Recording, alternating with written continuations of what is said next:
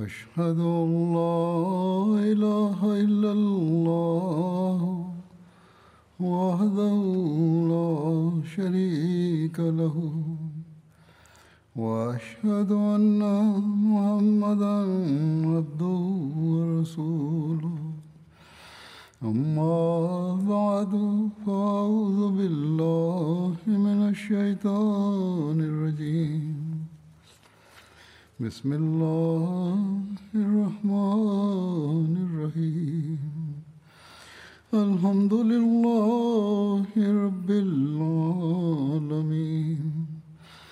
الرحمن الرحيم. مالك يوم الدين. إياك نعبد وإياك نستعين. اهدنا الصراط المستقيم. صراط الذين أنعمت عليهم. غير المغضوب عليهم ولا الضالين.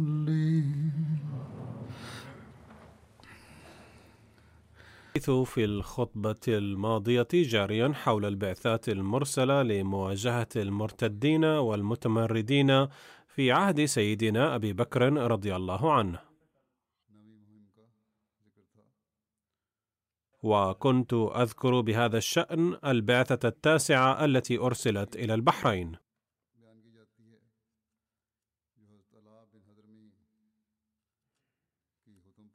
وقد جاء ضمنها المزيد من التفاصيل ولا سيما عن غزو العلاء بن الحضرمي الحطمة فقد ورد فأرسل العلاء إلى الجارود ورجل آخر أن انضما في عبد القيس حتى تنزلا على الحطم مما يليكما. وخرج هو في من جاء معه وفي من قدم عليه. حتى ينزل عليه مما يلي هجر. وتجمع المشركون كلهم إلى الحطم إلا أهل دارين. وتجمع المسلمون كلهم إلى العلاء بن الحضرمي. هكذا اجتمع المسلمون كلهم عند العلاء بن الحضرمي. وخندق المسلمون والمشركون.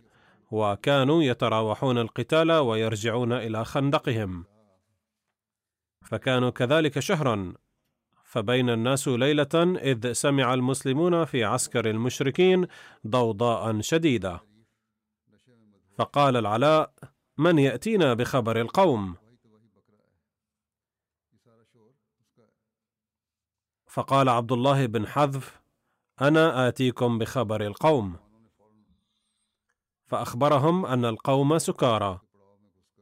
أي هذه الضوضاء ناتجة عن هذيانهم نتيجة السكر. فخرج المسلمون عليهم حتى اقتحموا عليهم عسكرهم. فوضعوا السيوف فيهم حيث شاءوا. واقتحموا الخندق هرابا. فمطرد وناج ودهش ومقتول أو مأسور واستولى المسلمون على ما في العسكر. لم يفلت رجل إلا بما عليه فأما أبجر فأفلت. وأما الحطم فإنه بعل ودهش وطار فؤاده فقام إلى فرسه والمسلمون خلالهم يجوسونهم ليركبه فلما وضع رجله في الركاب انقطع به. خرج المسلمون بعدما أحرزوا الخندق على القوم يطلبونهم فاتبعوهم. فلحق قيس بن عاصم أبجر وكان فرس أبجر أقوى من فرس قيس. فلما خشي أن يفوته طعنه في العرقوب فقطع العصب. وسلم النسى فكانت رادة فأما أبجر فأفلت. وفي رواية أن قيس بن عاصم ضربه على رأسه فالتقاها بالجحفة ثم ضربه قيس ضربة أثخنته. وأصبح العلاء فقسم الأنفال. ونفل رجالا من أهل البلاء ثيابا فكان في من نفل عفيف بن المنذر وقيس بن عاصم وثمامة بن أثال. فأما ثمامة فنفل ثيابا فيها خميصة ذات أعلام. كان الحطم يباهي فيها. أخبر أبو بكر رضي الله عنه بفوز المهمة. كتب إليه العلاء بهزيمة أهل الخندق وقتل الحطم. قتله زيد ومعمر.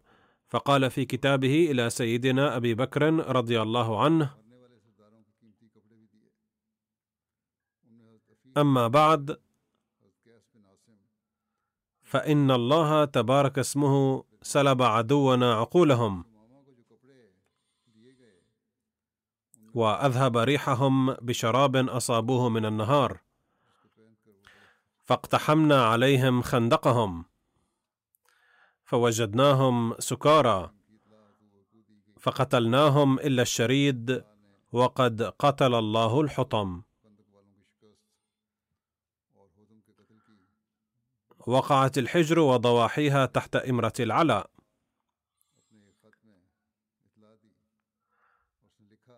ولكن كثيرا من الفرس المحليين ظلوا معادين للحكومة الجديدة. وكانوا يشيعون بين الناس أن الحكومة في المدينة ستنقلب راسا على عقب قريبا.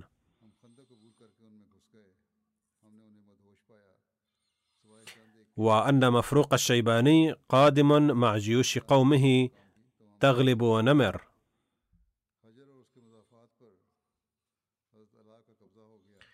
ولما علم أبو بكر رضي الله عنه بذلك كتب إلى العلاء.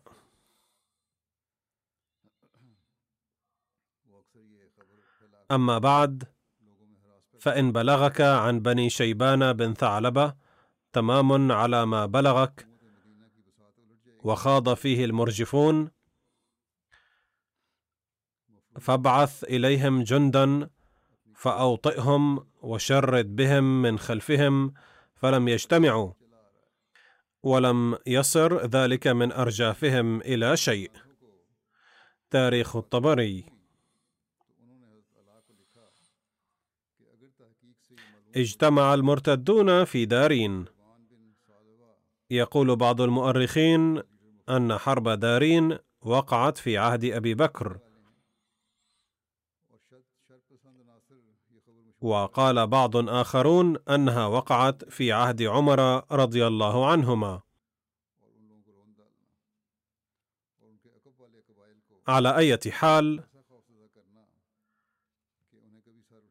اجتمع المرتدون في دارين التي هي جزيرة على بعد بضعة أميال بإزاء بحيرة فارس. وكانت تسكنها من قبل عوائل مسيحية. وبعد تلقي الهزيمة على يد العلاء ركب معظم المهزومين السفن ورجع الآخرون إلى بلاد قومهم. فكتب العلاء بن الحضرمي إلى من أقام على إسلامه من بكر بن وائل فيهم وأرسل إلى عتيبة بن النهاس وإلى عامر بن عبد الأسود بلزوم ما هم عليه والقعود لأهل الردة بكل سبيل. وأمر مسمعا بمبادرتهم. وارسل إلى خصفة التميمي والمثنى بن حارثة الشيباني فأقاموا لأولئك بالطريق.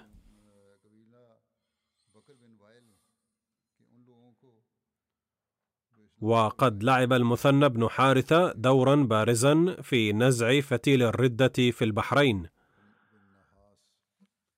ولحق بجيشه مع العلاء بن الحضرمي وانطلق من البحرين إلى الشمال وسيطر على القطيف والحجر وظل عاكفا على إنجاز مهمته حتى غلب على جيش الفرس وعمالهم الذين نصروا المرتدين من البحرين.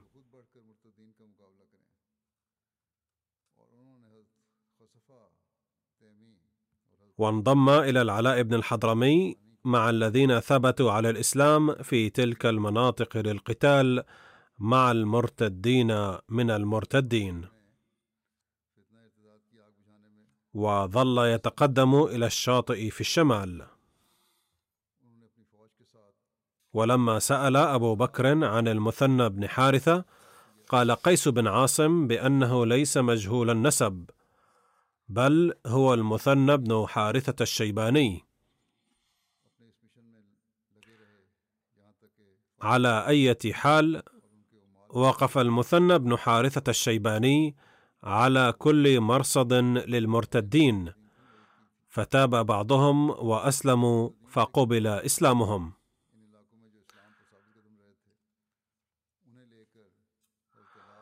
وأبى بعضهم التوبة وأصروا على الارتداد فمنعوا من الرجوع فرجعوا إلى ما جاءوا منه حتى عبروا إلى دارين فجمعهم الله بها.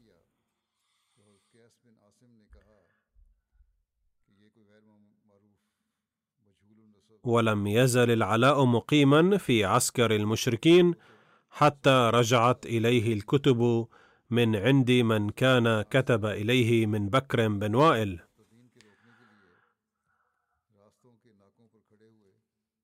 وبلغه عنهم القيام بأمر الله والغضب لدينه. فلما جاءه عنهم من ذلك ما كان يشتهي أيقن أنه لن يؤتى من خلفه بشيء يكرهه على أحد من أهل البحرين وندب الناس إلى دارين.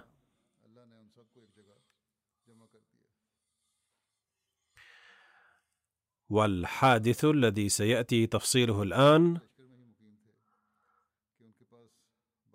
فإن حدوثه بحسب روايته يبدو مستحيلا في ظاهر الأمر. ويمكن أن يكون في قصة عبور البحر شيء من الصدق وشيء من المبالغة أيضا. على أي حال فما هي حقيقته إن كان فيها شيء من الصدق؟ سأوضح الأمر في الأخير.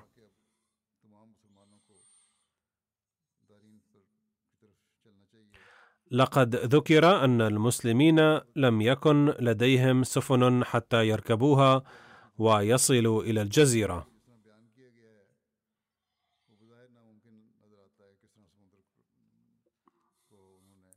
فقام العلاء بن الحضرمي وجمع الناس وخطب فيهم وقال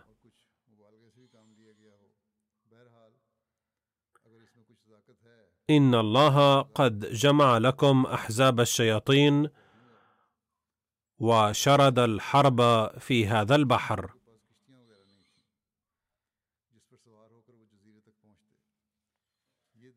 وقد أراكم من آياته في البر لتعتبروا بها في البحر. فانهضوا إلى عدوكم ثم استعرضوا البحر إليهم. فإن الله قد جمعهم. فقالوا نفعل ولا نهاب والله بعد الدهناء هولا ما بقينا. لقد وردت هذه الرواية في الطبري. والمعجزة التي سبق ذكرها فقد ذكر فيها أن الله خلق لهم بالدعاء غديرا عظيما من الماء القراح. وأقبلت إبلهم النافرة من كل فج بما عليها. فقد أشاروا إليه بأنهم رأوا تلك المعجزة بأم أعينهم. وسيرون معجزة عبور البحر بالسفر على مياهه أيضا. فارتحل العلاء وجميع المسلمين ارتحلوا حتى أتوا ساحل البحر وكان دعاؤه ودعاؤهم يا أرحم الراحمين يا كريم يا حليم يا أحد يا صمد يا حي يا محيي الموت يا حي يا قيوم لا إله إلا أنت يا ربنا.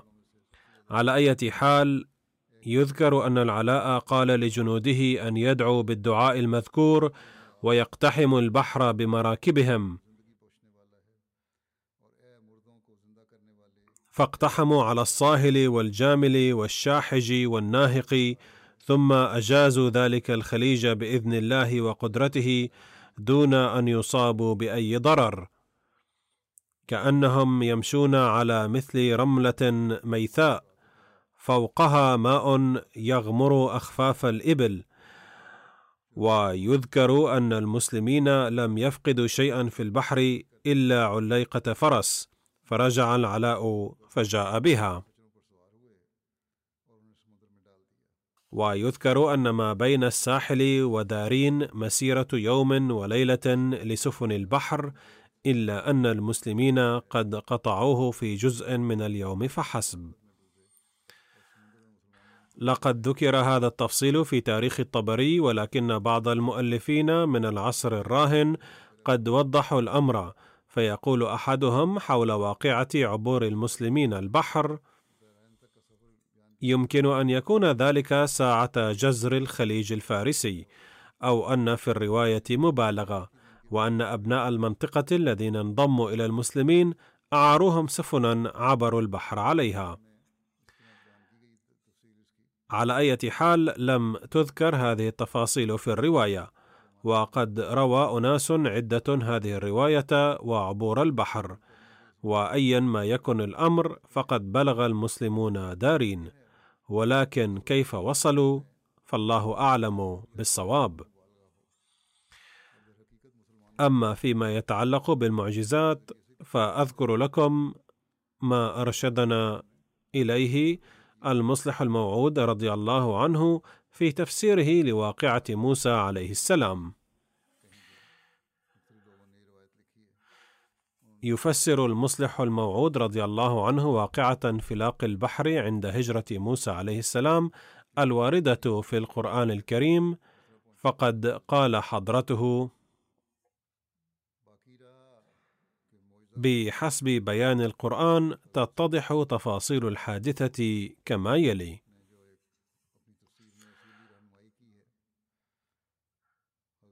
خرج بنو إسرائيل قاصدين الأرض المقدسة، حتى لحق بهم فرعون بجيشه، فأصابهم الهلع وظنوا أنهم مدركون، ولكن الله تعالى طمأنهم بواسطة موسى عليه السلام حيث أوحى إليه أن يضرب بعصاه البحر.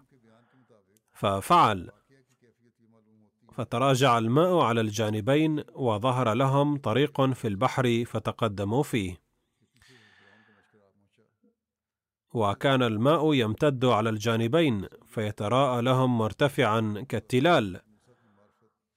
وتبعهم فرعون وجنوده يطاردونهم. ولما وصل بنو إسرائيل إلى الشاطئ الآخر سالمين ارتد الماء كما كان وأغرق المصريون. ثم يقول حضرته ولاستيعاب هذا الحادث يجب أن نتذكر أن القرآن الكريم يعلمنا أن كل المعجزات تكون من عند الله تعالى ولا دخل ولا تصرف للإنسان فيها. وعليه فما كان رفع موسى عليه السلام العصا وضربه البحر بها إلا بمنزلة علامة فقط. وليس معناه أنه كان لموسى أو لعصاه أي دخل في تراجع ماء البحر. كما يجب أن نتذكر أيضا أنه لا يثبت ابدا من ألفاظ القرآن الكريم أن البحر انشق جزئين منفصلين وأن موسى عليه السلام مر بينهما. لقد عبر القرآن الكريم عن هذا الحادث بكلمتين فرقنا وانفلق ومعنى الفرق والفلق هو الانفصال.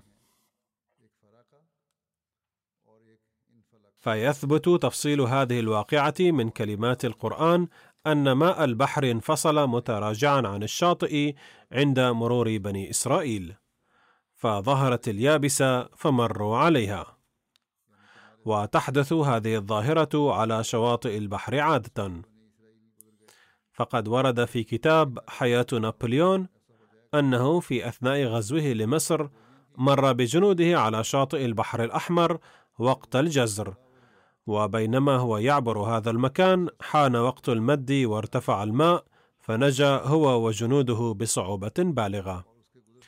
فالمعجزة في هذا الحادث أي حادث موسى هي أن الله تعالى أتى ببني إسرائيل إزاء البحر وقت الجزر وما إن رفع موسى عليه السلام يده بالعصا لضرب البحر حتى بدأ الجزر وتراجع الماء.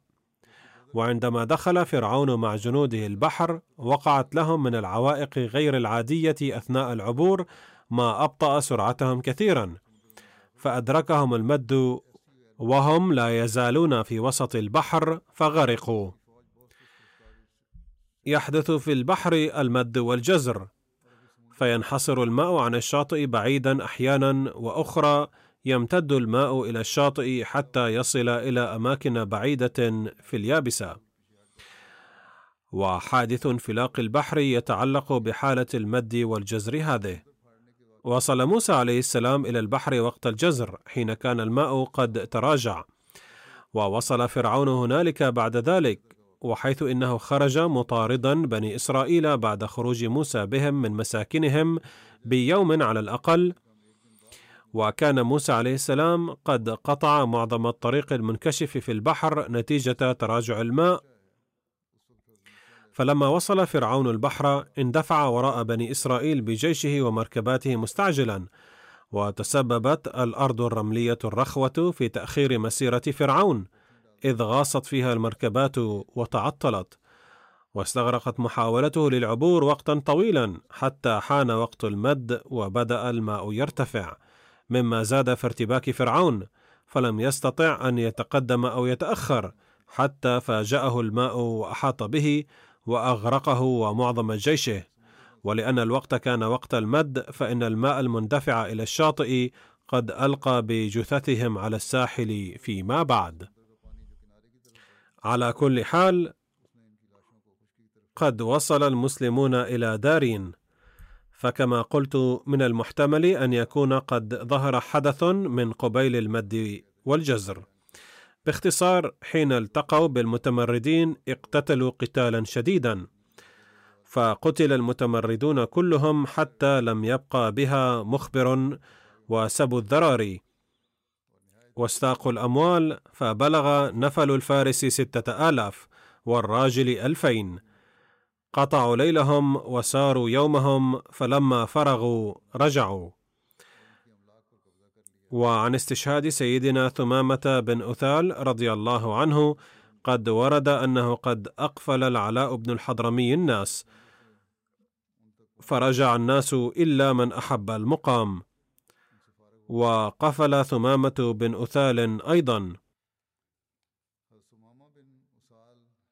ويقول عبد الله بن حذف حتى إذا كنا على ماء لبني قيس بن ثعلبة رأى الناس ثمامة ورأوا خميصة الحطم عليه وكان قد وجدها ضمن ما أعطي له من الغنائم.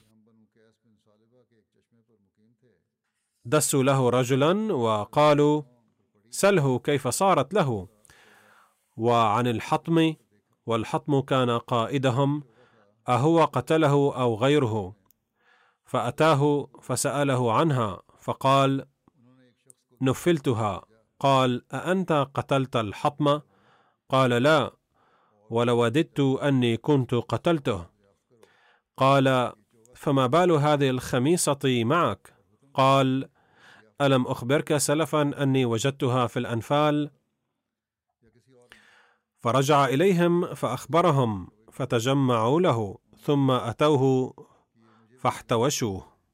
وقالوا أنت قاتل الحطم؟ قال كذبتم لست بقاتله ولكني نفلت هذه الخميصة.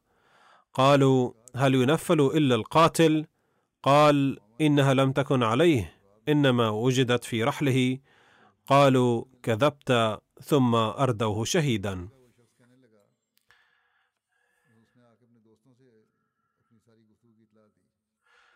والبعثة العاشرة فقد ورد عنها أنها كانت لسيدنا سويد بن مقرن ضد المرتدين المتمردين حيث كان سيدنا أبو بكر رضي الله عنه عقد لواء لسيدنا سويد بن مقرن وأمره بالسير إلى تهامة في اليمن.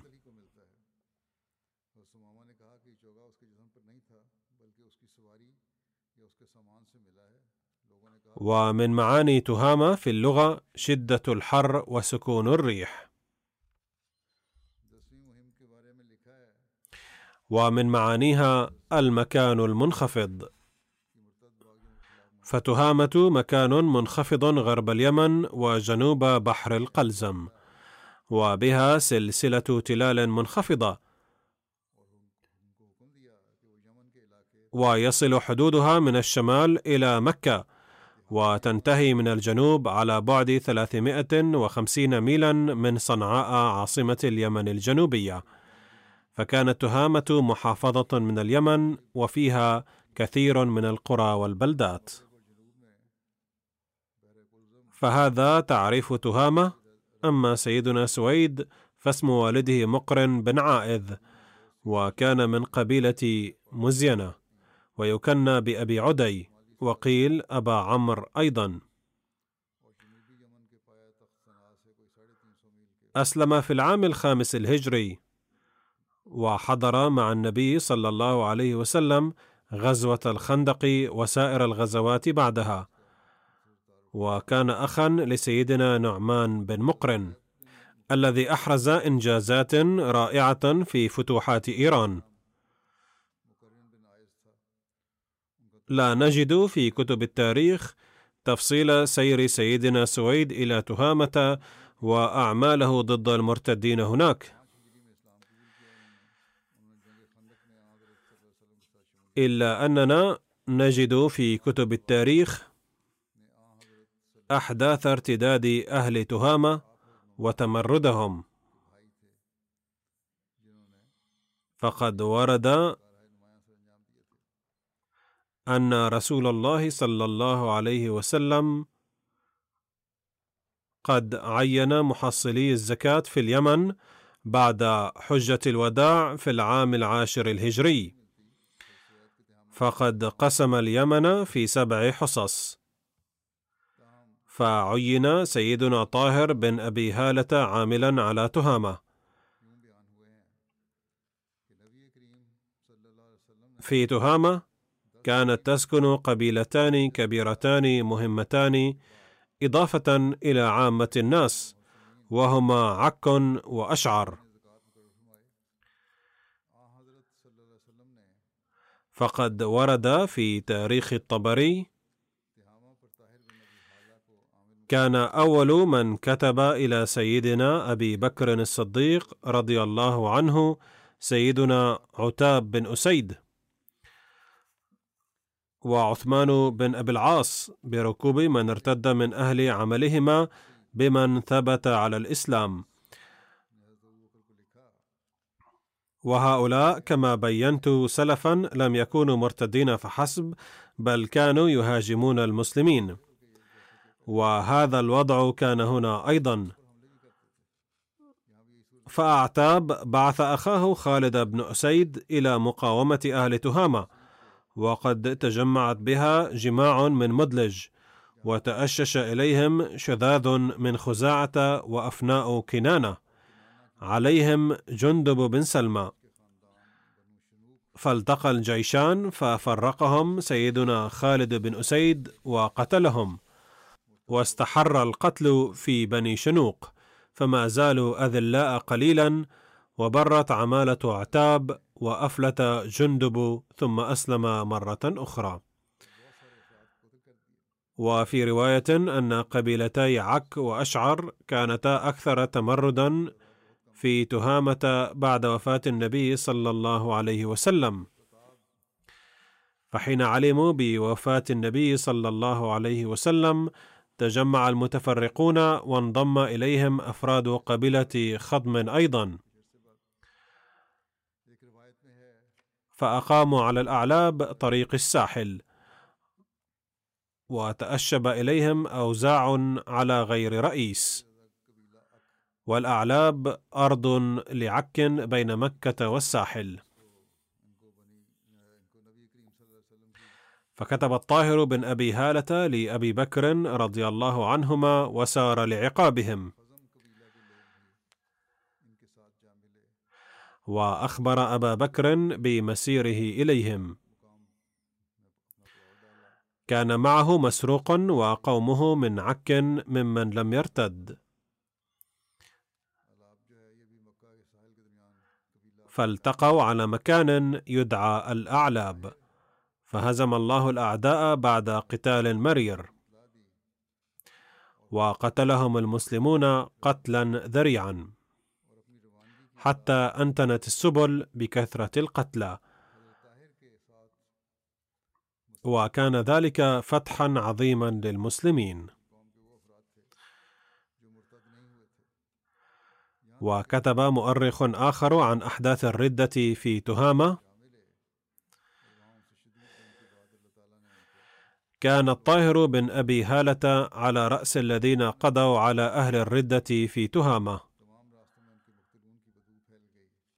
كان واليا للرسول صلى الله عليه وسلم على تهامة التي كانت موطنا لعك والأشعريين. ثم أمر أبو بكر رضي الله عنه عكاشة بن ثور بالمكوث في تهامة ليجمع حوله أهلها حتى يأتيه أمره.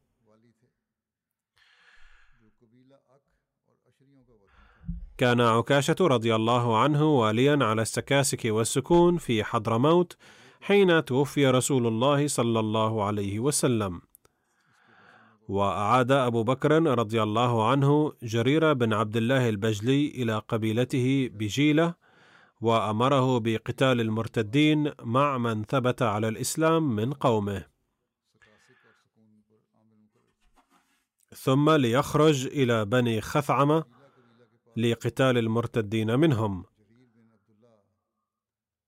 فخرج جرير وأنجز المهمة التي أمره بها سيدنا أبو بكر رضي الله عنه فلم يخرج لمواجهته إلا قليلا من الناس فقتلهم وشردهم.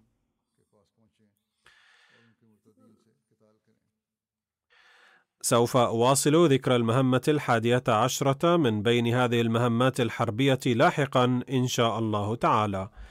أما الآن فأود ذكر بعض الأحمديين الذين قد وافاهم الأجل. اثنان من هؤلاء المرحومين شابان من بوركينا فاسو.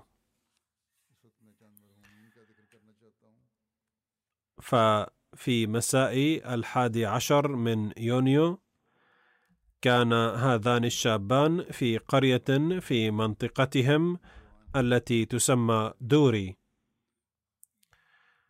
فشن الإرهابيون الهجوم على القرية.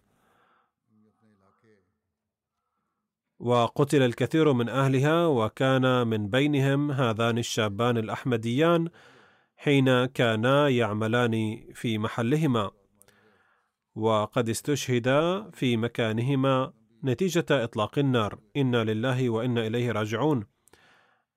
أحدهما هو ديكو زكريا البالغ من العمر 32 عاما خدم الجماعة بصفته قائد مجلس خدام الأحمدية في منطقة دوري.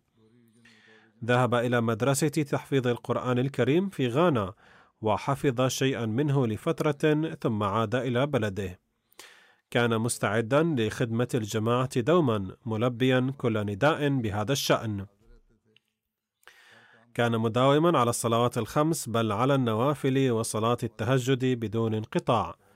كان يسدد التبرعات بانتظام بل كلما جاءه دخل بالإضافة إلى دخله الشهري سارع لدفع نسبة التبرع عليه. كان محبا صادقا للجماعة والخلافة. كان يواظب على مشاهدة خطب الجمعة بانتظام ويشاهد البرامج الأخرى على القناة MTA بوله وشوق. وقال الداعية المحلي في منطقته كان المرحوم يتمنى بشدة لقاء الخليفة وقد قال لي في آخر لقائي معه متى سيكون لي نصيب من لقاء الخليفة؟ كان خادما مثاليا ترك وراءه أرملته وبنتين وابنا.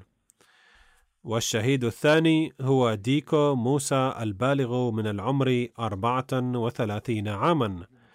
كان وقت استشهاده يخدم بصفته قائد مجلس خدام الأحمدية في قريته سائتينغا كان يشارك في جميع فعاليات جماعته المحلية بحماس وشوق بل كان يسعى لأن يشارك فيها الآخرون كان مداوما على الصلوات ودفع التبرعات. لم يكن في قريته مسجد للجماعة فكان يسعى في هذه الأيام لبناء عريش لأداء الصلاة جماعة. كان يراسلني أنا أي الخليفة بانتظام. وإذا كان جاء أحد من العاصمة في جولة كان يكرمه ويخدمه وكان يشرف بنفسه على الخدمات والأعمال ويشرك الآخرين فيها. ترك وراءه زوجتين وثلاث بنات. غفر الله له ورحمه ورفع درجاته. كتب أمير الجماعة في بوركينا فاسو عن الشهيدين كان هذان الشهيدان الشابان أخوين للداعية المحلي ديكو أحمد بوريما الذي يعمل مسؤولا عن إذاعتنا في دوري. دخلت الأحمدية في عائلتهما على يد والدهما السيد إبراهيم بنتي الذي كان مخلصا جدا وداعية متحمسا وكان زعيم أنصار الله في منطقة دوري وتوفي في عام 2011 ثم كتب الأمير طالبا الدعاء وقال إن بوركينا فاسو عرضة لحملات إرهابية منذ عام 2015 وقد حصل دمار كبير في شمال البلاد أدى إلى تشريد مليونين من السكان. ندعو الله تعالى أن يبدل هذه الفوضى امنا. إن الأوضاع الاقتصادية والسياسية السائدة في العالم حاليا تزيد فرص الأعمال الإرهابية. نسأل الله تعالى أن يرحم البشرية ويلهم الناس العقل والصواب. والذكر التالي هو للمرحوم محمد يوسف خان ابن نورم خان القاطن في قرية صادق بور بمحافظة عمر كوت بالسند. توفي في الأيام الأخيرة إنا لله وإنا إليه راجعون. كان المرحوم من قبيلة بولوج وولد في ديرة غازي خان. دخلت الأحمدية في عائلته على يد حضرة مولانا غلام رسول راجيكي في عام 1934 هاجرت عائلته بعد قيام باكستان إلى صادق بور في عمر كوت للعمل في ضيعات مؤسسة التحريك الجديد. ثم انتقل المرحوم إلى ربوة وأقام هناك لستة أعوام والتي وفقه الله فيها لخدمة مسجد الجماعة في حيه. كان منخرطا في نظام الوصية بفضل الله تعالى. ترك وراءه أرملته وست أبناء وأربعة بنات. أحد أبنائه هو الداعية شبير أحمد الذي يعمل حاليا في ساحل العاج ولم يتمكن من حضور جنازة والده بسبب عمله هناك. اثنان من أحفاد المرحوم أيضا من دعاة الجماعة. كتب الداعية شبير أحمد كان والدي كثير المحاسن. لقد رأيناه منذ صغرنا مواظبا على صلاة التهجد. كان يقوم بتلاوة القرآن الكريم بصوت عال بعد صلاة الفجر كل يوم. كان محبا للخلافة حبا شديدا. كلما ذهبت إلى البيت دعاني وقال لي احفظ مني أمرين. الوفاء بالخلافة دائما وداء حق الوقف دائما. كان أبي مضيافا حتى كان يأتي بكل من يمر به إلى البيت ويضيفه. جاء كثير من غير جماعتنا حتى الهندوس وغيرهم لتقديم العزاء وذكروا أبي المرحوم ذكرا حسنا وقالوا لقد توفي أبونا اليوم إذ كان معينا للفقراء كثيرا. والذكر الثالث للبنت مبارزة فاروق المنضمة إلى مشروع وقف نو من ربوة وهي ابنة السيد فاروق أحمد توفيت مؤخرا. إنا لله وإنا إليه راجعون. كانت في الحادية عشرة من عمرها إذ وقع يدها على سلك كهربائي مما فلجت يداها فقطعت. ولكن لم تستسلم وواصلت دراستها وتدربت على الكتابة ممسكة بالقلم بالفم ثم تعلمت الكتابة وهي تمسك بالقلم بالمرفق. وبدأت تكتب بخط جميل في بضعة أشهر. وبعد فترة انتقلت الأسرة إلى ربوة واستمرت في الدراسة هناك أيضا. وفي عام 2013 نجحت في امتحان شهادة الإجازة بعلامات جيدة. ثم حصلت على شهادة الماجستير في الأدب العربي من كلية تعليم الإسلام وخدمت فترة في مستشفى طاهر لأمراض القلب لكونها واقفة نو وكانت تعلمت القرآن الكريم بصحة اللفظ ومع ترجمة معانيه وكانت تأخذ العلامات مئة في المئة دوما وكانت تأخذ صفوف تعليم القرآن أيضا في حارتها وتركت في ذويها الوالدين وأخوين وأختين غفر الله لها ورحمها وألهم والديها الصبر والسلوان.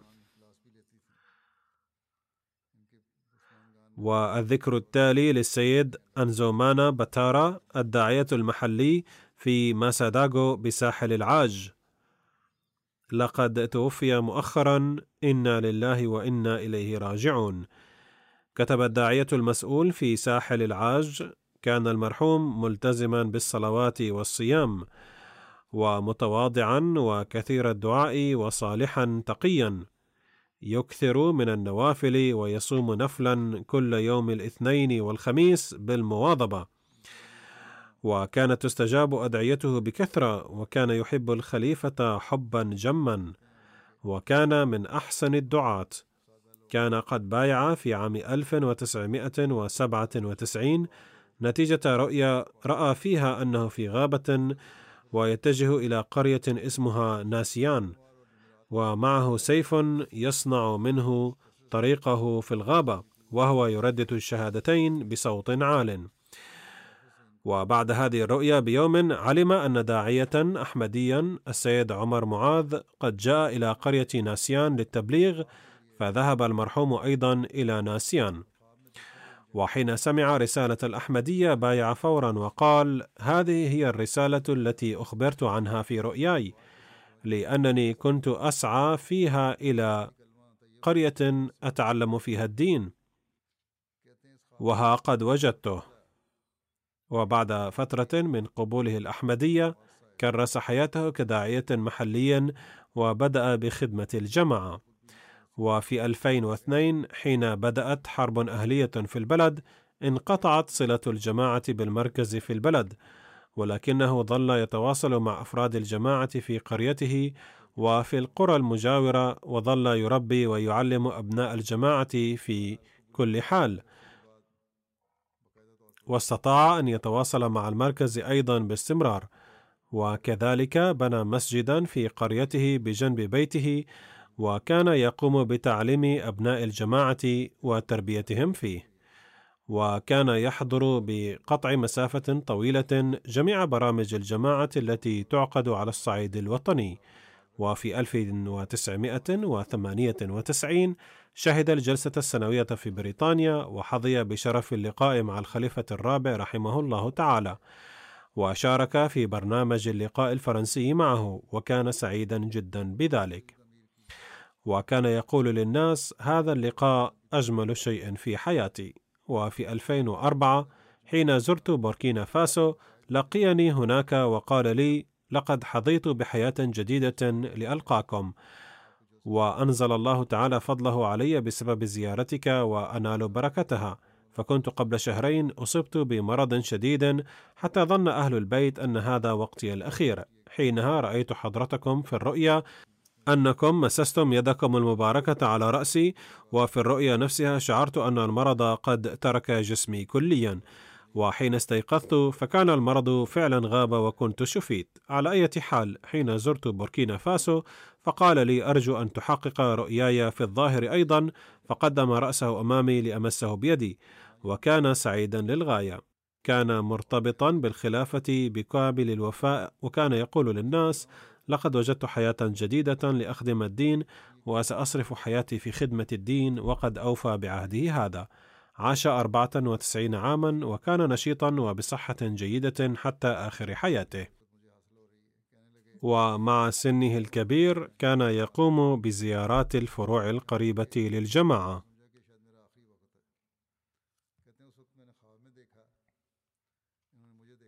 وكان لقيني مرة أخرى في عام 2008 في غانا حين زرتها. فجاء المرحوم أيضا هناك وحضر جلسة اليوبيل فيها وكان سعيدا للغاية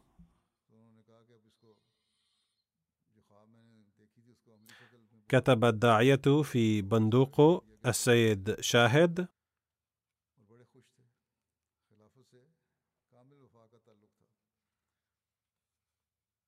كان المرحوم يحب الدعاة الباكستانيين ويلاقيهم بكل تواضع ويعاملهم بكل احترام وأدب. وكان متقدما في التضحية المالية أيضا. وكان يتبرع بالتزام. قال حين زرت قرية المرحوم في نهاية شهر يناير كانون الثاني من هذه السنة قال لي المرحوم سأرتحل في هذه السنة. فقلت هل ستسافر؟ فقال لا بل سأرتحل هذه الدنيا لأنني سعيد جدا في هذه السنة.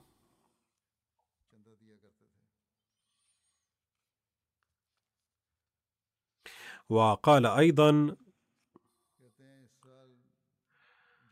لأنني عملت لله طول حياتي والآن إنني ذاهب إلى الله لآخذ أجرتي. وكان واثقا جدا بالله تعالى. وقبل أسبوع من وفاته قال لاهل بيته لقد بقي أسبوع واحد في عقدي مع الله تعالى. وبعد أسبوع من ذلك استيقظ يوم الجمعة لصلاة التهجد كالعادة وما إن أكمل وضوءه وقع نتيجة الدوخة ولقي حتفه فورا. لقد رزق الله تعالى جماعة المسيح الموعود عليه السلام مثل هؤلاء المخلصين المفعمين بالإخلاص والوفاء في مناطق نائية الذين يبلغون رسالة الإسلام في الدنيا. ندعو الله تعالى أن يرزق الجماعة مثل هؤلاء المخلصين دوما الذين يخدمون الجماعة. لقد ترك في ذويه خمسة أبناء وستة بنات وكلهم ثابتون على الأحمدية بفضل الله تعالى. رزقهم الله ثباتا ووفقهم ليقتدوا بوالدهم سأصلي على جميع هؤلاء صلاة الغائب بعد صلاة الجمعة.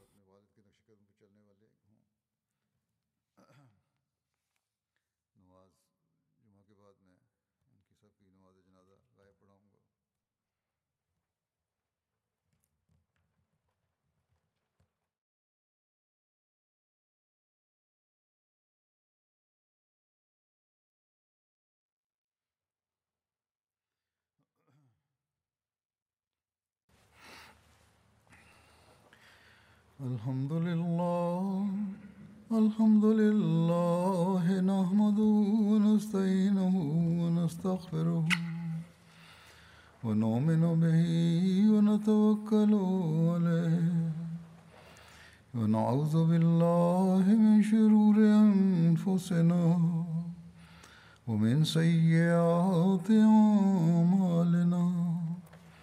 من يهده الله فلا مضل له ومن يضلل فلا هادي له. ونشهد أن لا إله إلا الله ونشهد أن محمدا عبده ورسوله. عباد الله رحمكم الله. إن الله يأمر بالعدل والإحسان وإيتاء ذي القربى وينهى عن الفحشاء والمنكر والبغي يعظكم لعلكم تذكرون اذكروا الله يذكركم وادعوه يستجب لكم ولذكر الله أكبر.